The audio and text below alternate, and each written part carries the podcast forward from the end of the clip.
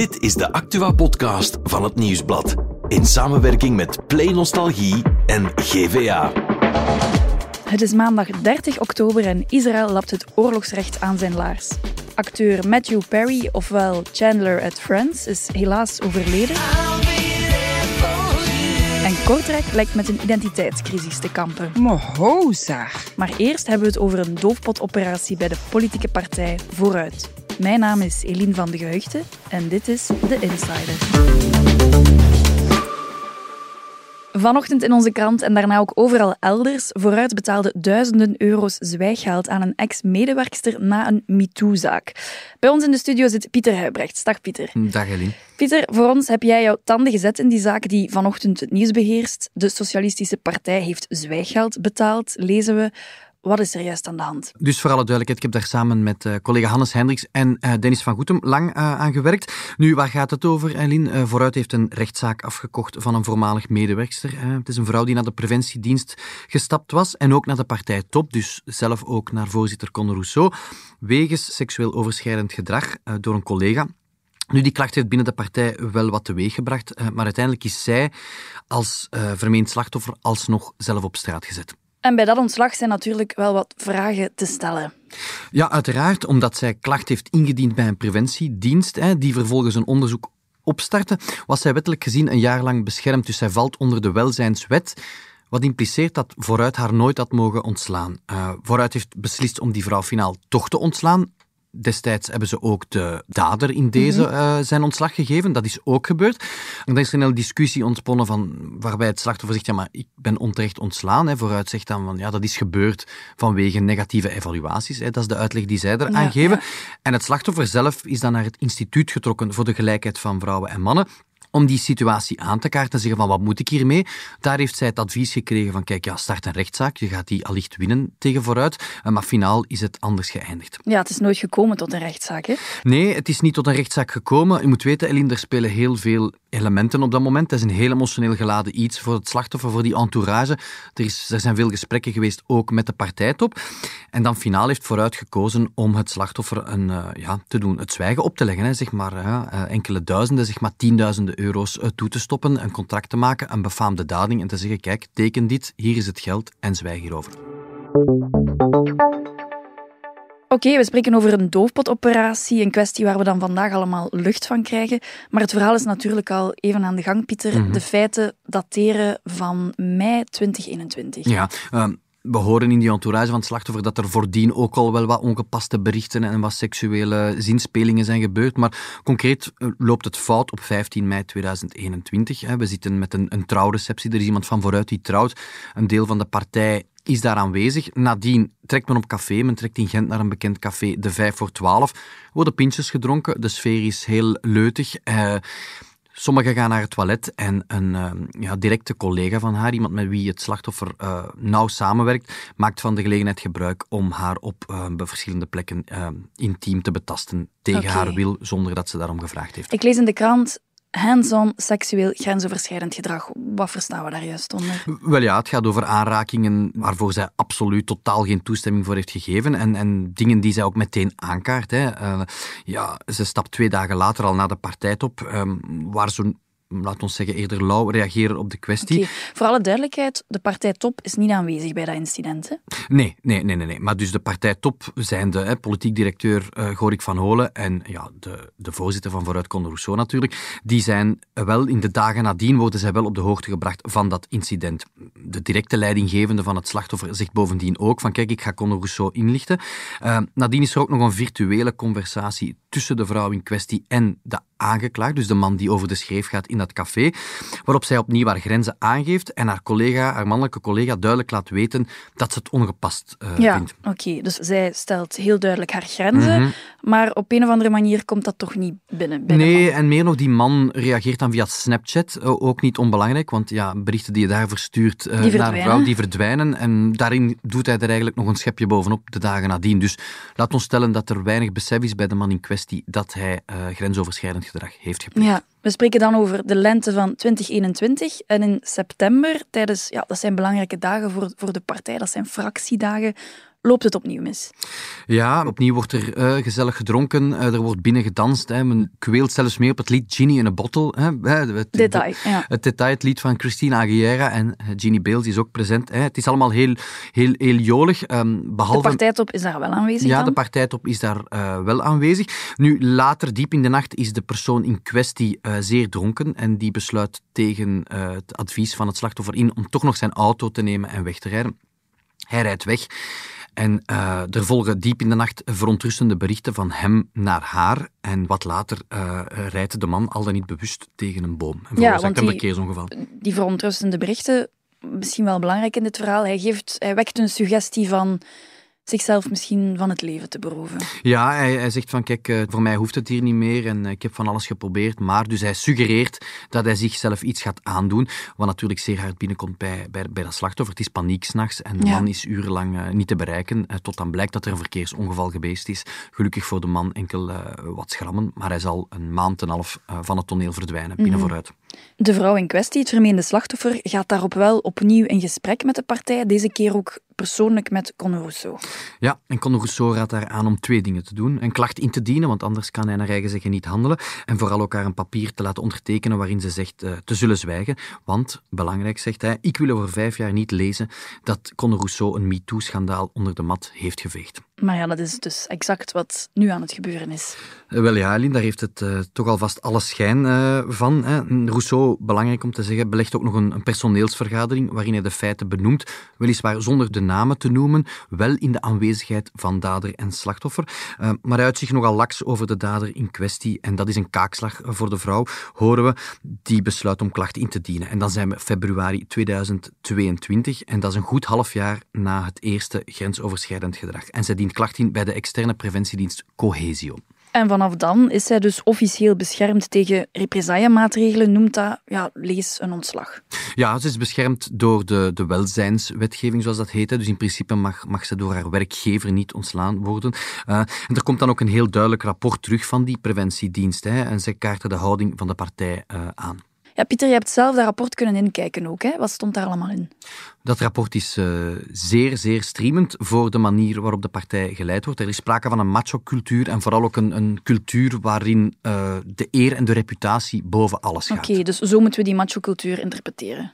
Ja, nu moet zeggen, uh, vooruit gaat ook aan de slag met dat extern rapport. Hè. Ja, het is natuurlijk een rapport dat op tafel komt en, en met allerlei aanbevelingen en allerlei fundamentele kritiek die over de werking. degelijk gevolgd worden. En die werd degelijk gevolgd wordt. Dus wat er gebeurt, en dat zal vooruit ook vandaag heel erg benadrukken, de dader in kwestie wordt ontslagen. Hij krijgt zijn C4 en, uh, en, en zal niet meer uh, in Brussel opduiken. Dat gebeurt op 4 mei 2022. Nu, ook het slachtoffer moet op gesprek en tot haar uh, eigen verbazing krijgt ze daar te horen dat ze niet naar behoren functioneert. En daar gaat de discussie ook vandaag over van ja, had zij destijds al negatieve evaluatierapporten? En dat is een beetje de framing nu. Zij zegt van ik val uit de lucht en plots functioneer ik niet goed. Ehm, van de hele heisa, want het is heel belastend voor haar geweest, ja, zit zij thuis met een doktersbriefje voor enkele weken en gaat dan terug, weliswaar vier vijfde, aan de slag. En dan gebeurt er iets opvallend, Elin. Ja, amper na twintig werkdagen uh, en twee uh, interne evaluatieprocessen wordt ze zelf ontslagen. Oké, dus ik vat even samen. De, de dader, de vermeende dader in kwestie, die wordt ontslaan, waarop zij ook op gesprek moet en eigenlijk ja, te horen krijgt dat ze niet zo goed bezig is op de werkvloer. Um, zij zit thuis om te bekomen en uiteindelijk wordt zij toch nog ontslagen. En daar zitten we dan met het probleem dat dat in principe niet mag. Ja, en, en binnen de partijtop wordt zij allicht ervaren als een lastpak, als iemand die moeilijk blijft doen. Zo van, ja, wat is het probleem eigenlijk? Want we hebben die persoon, we hebben het probleem opgelost, we hebben de dader aan de kant geschoven. Je hebt uw zin toch gekregen, wat hadden we meer kunnen doen?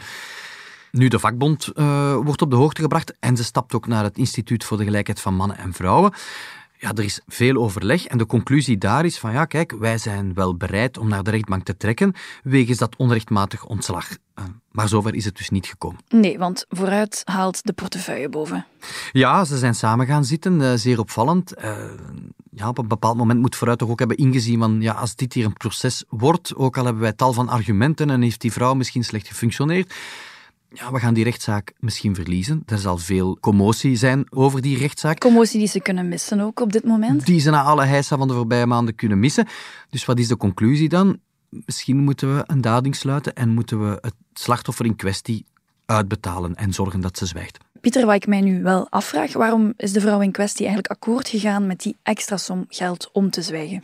Wel ja, daar gaat een heel proces aan vooraf. Ja, je kunt moeilijk in het hoofd van dat slachtoffer kruipen. Dat is een heel moeilijke, complexe, heel emotioneel beladen materie. Op een bepaald moment werk je dan. Is je droom om voor een partij te werken. Je hebt daar lang voor gestudeerd. Je bent dan je werk binnen vooruit. Je probeert je job te doen en dan finaal stort dat in nadat jij iets aangekaart hebt. Dus jij zegt van, oké, ik, ik ben slachtoffer van grensoverschrijdend gedrag, seksueel grensoverschrijdend gedrag. Ik stap naar de partij op en dan wil je maar één ding, dat je leidinggevende, dat je baas daar accuraat mee aan de slag gaat. Erkenning. Dat, erkenning.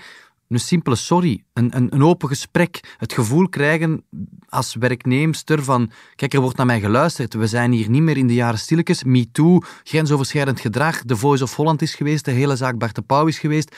Luister naar mij. Los het op. Dat heeft twee jaar geduurd. We zijn intussen twee jaar verder en dat laat sporen na. En dan begint heel dat spel tussen advocaten en hoe moeten we dat hier oplossen. En finaal uh, horen we toch in de entourage, is dat slachtoffer zo moe gestreden dat ze denkt van ja, wat moet ik hier doen om er vanaf te zijn? als, mhm. jullie, als jullie een dading willen sluiten, ik ben ten einde raad. Weet je, het gaat mij niet om, dit, om dat geld.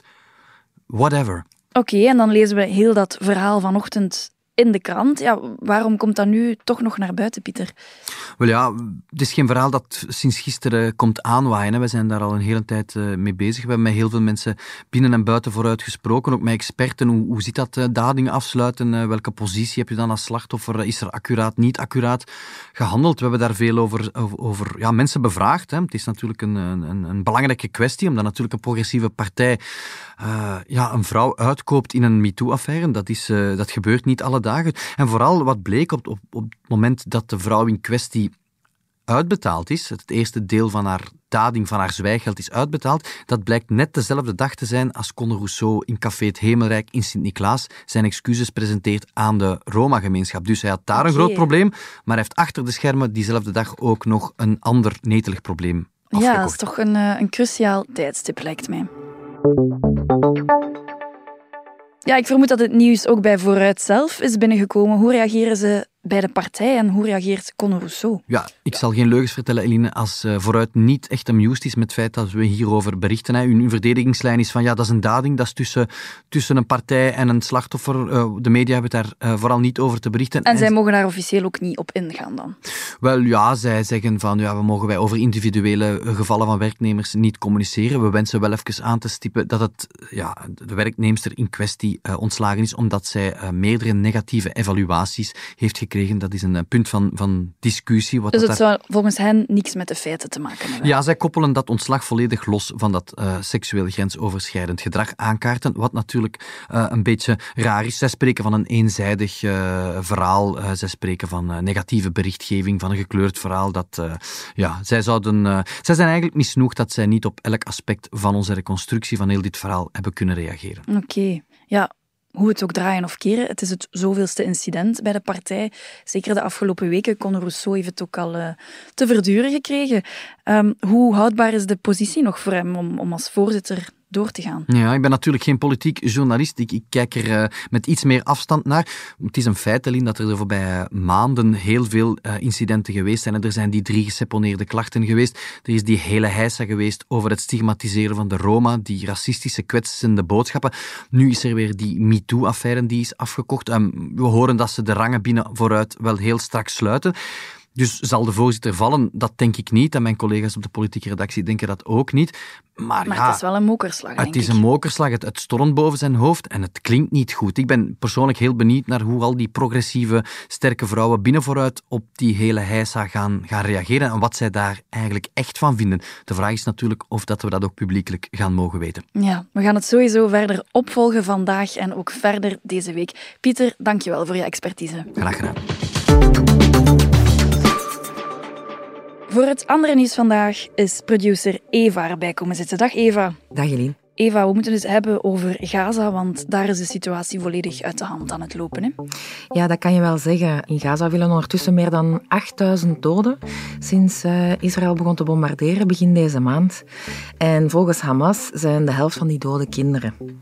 Dat is ook wel uh, niet onlogisch als je weet dat Gaza een heel, heel jonge populatie heeft. Ja, en met heel veel mensen op een heel klein gebied natuurlijk.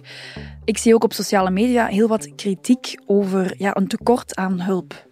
Ja, dat klopt. Israël heeft een groot deel van de toevoer van levensnoodzakelijke middelen afgesloten, water, elektriciteit. En uh, dat zorgt ervoor ja, dat tienduizenden mensen in Gaza, die zijn uh, zout en vervuild water aan het drinken. Dat gaat onder meer over uh, eh, 52.000 zwangere vrouwen, meer dan 30.000 baby's, jonger dan zes maanden. Alleen al dat is een humanitaire ramp eigenlijk. Ja, inderdaad. Ja, Israël zou het oorlogsrecht flagrant aan zijn laars lappen. wel, de toegang van humanitaire hulp naar, uh, naar Gaza blokkeren, dat is volgens het internationaal recht een oorlogsmisdaad. En hoe zit het met uh, de States? Want we weten allemaal, de Amerikaanse president Joe Biden die kiest openlijk kant voor Israël. Is daar ook heel luid en duidelijk over. Hoe zit dat vandaag nog? Ja, die is waarschijnlijk redelijk ongemakkelijk in zijn stoel aan het schuiven. Hij heeft zondag ook opgeroepen tot een aanzienlijke en onmiddellijke uitbreiding van de humanitaire hulp uh, naar de Gazastrook. Maar de Verenigde Staten zijn in ieder geval niet van plan om eigen manschappen naar Israël of Gaza te sturen. Dat heeft de Amerikaanse vicepresident Kamala Harris gezegd aan de nieuwszender CBS. Maar we weten allemaal wel dat de VS al wel militair materiaal aan Israël heeft, uh, heeft gestuurd en ook uh, twee vliegdekschepen. Ander nieuws kwam er uit Hollywood. Daar hebben we te horen gekregen dat Matthew Perry overleden is. Ja, onze meest geliefde friend, zou ik uh, bijna durven zeggen. Hij is uh, verdronken in zijn jacuzzi. Hij werd uh, 54 jaar. Ja, dat is nog heel jong, hè? Ja, inderdaad. Ja, mensen gaan ervan uit dat dat te maken heeft met een overdosis, want hij heeft natuurlijk een verleden in, in um, overmatig gebruik van drugs, maar dat blijkt niet het geval te zijn. Wel, er werden geen drugs gevonden. Uh, de politie zou ook niet uitgaan van misdrijf of kwaad opzet. De mensen gingen daar al snel van uit, omdat Perry wel al jarenlang kampte met een, met een verslaving aan pijnstillers en alcohol. Ja, en zijn de reactie van de andere Friends-acteurs? Nee, de andere leden van de Friends-cast hebben voorlopig nog niet gereageerd. Dan is er nog regionieuws. In Kortrijk kampen ze met een identiteitscrisis, Eva. Ja, uh, inderdaad. De, het gaat hier over verkeersborden. Op de rotonde van Cowboy Henk in Kortrijk zijn twee verkeersborden gezet met dezelfde spellingsfout. Uh, we gaan daar naar Kortijk in de plaats van naar Kortrijk. Oké, okay, en zoiets gaat meteen viraal natuurlijk. Ja, absoluut. Op zondag uh, verscheen het eerste bericht op sociale media en dat werd dan meteen druk gelezen en gedeeld. Ja, Oké, okay. en wat gebeurt er nu? Ze hebben eigenlijk al actie ondernomen, want ik denk dat de dienst die verantwoordelijk was voor de borden ook uh, dat bericht onder ogen heeft gekregen. En ze hebben zondagavond meteen uh, de borden verwijderd. Oké, okay, de fout was snel rechtgezet. Mohoza. Dankjewel Eva voor het andere nieuws van vandaag. Morgen zijn we er opnieuw met een nieuwe Insider.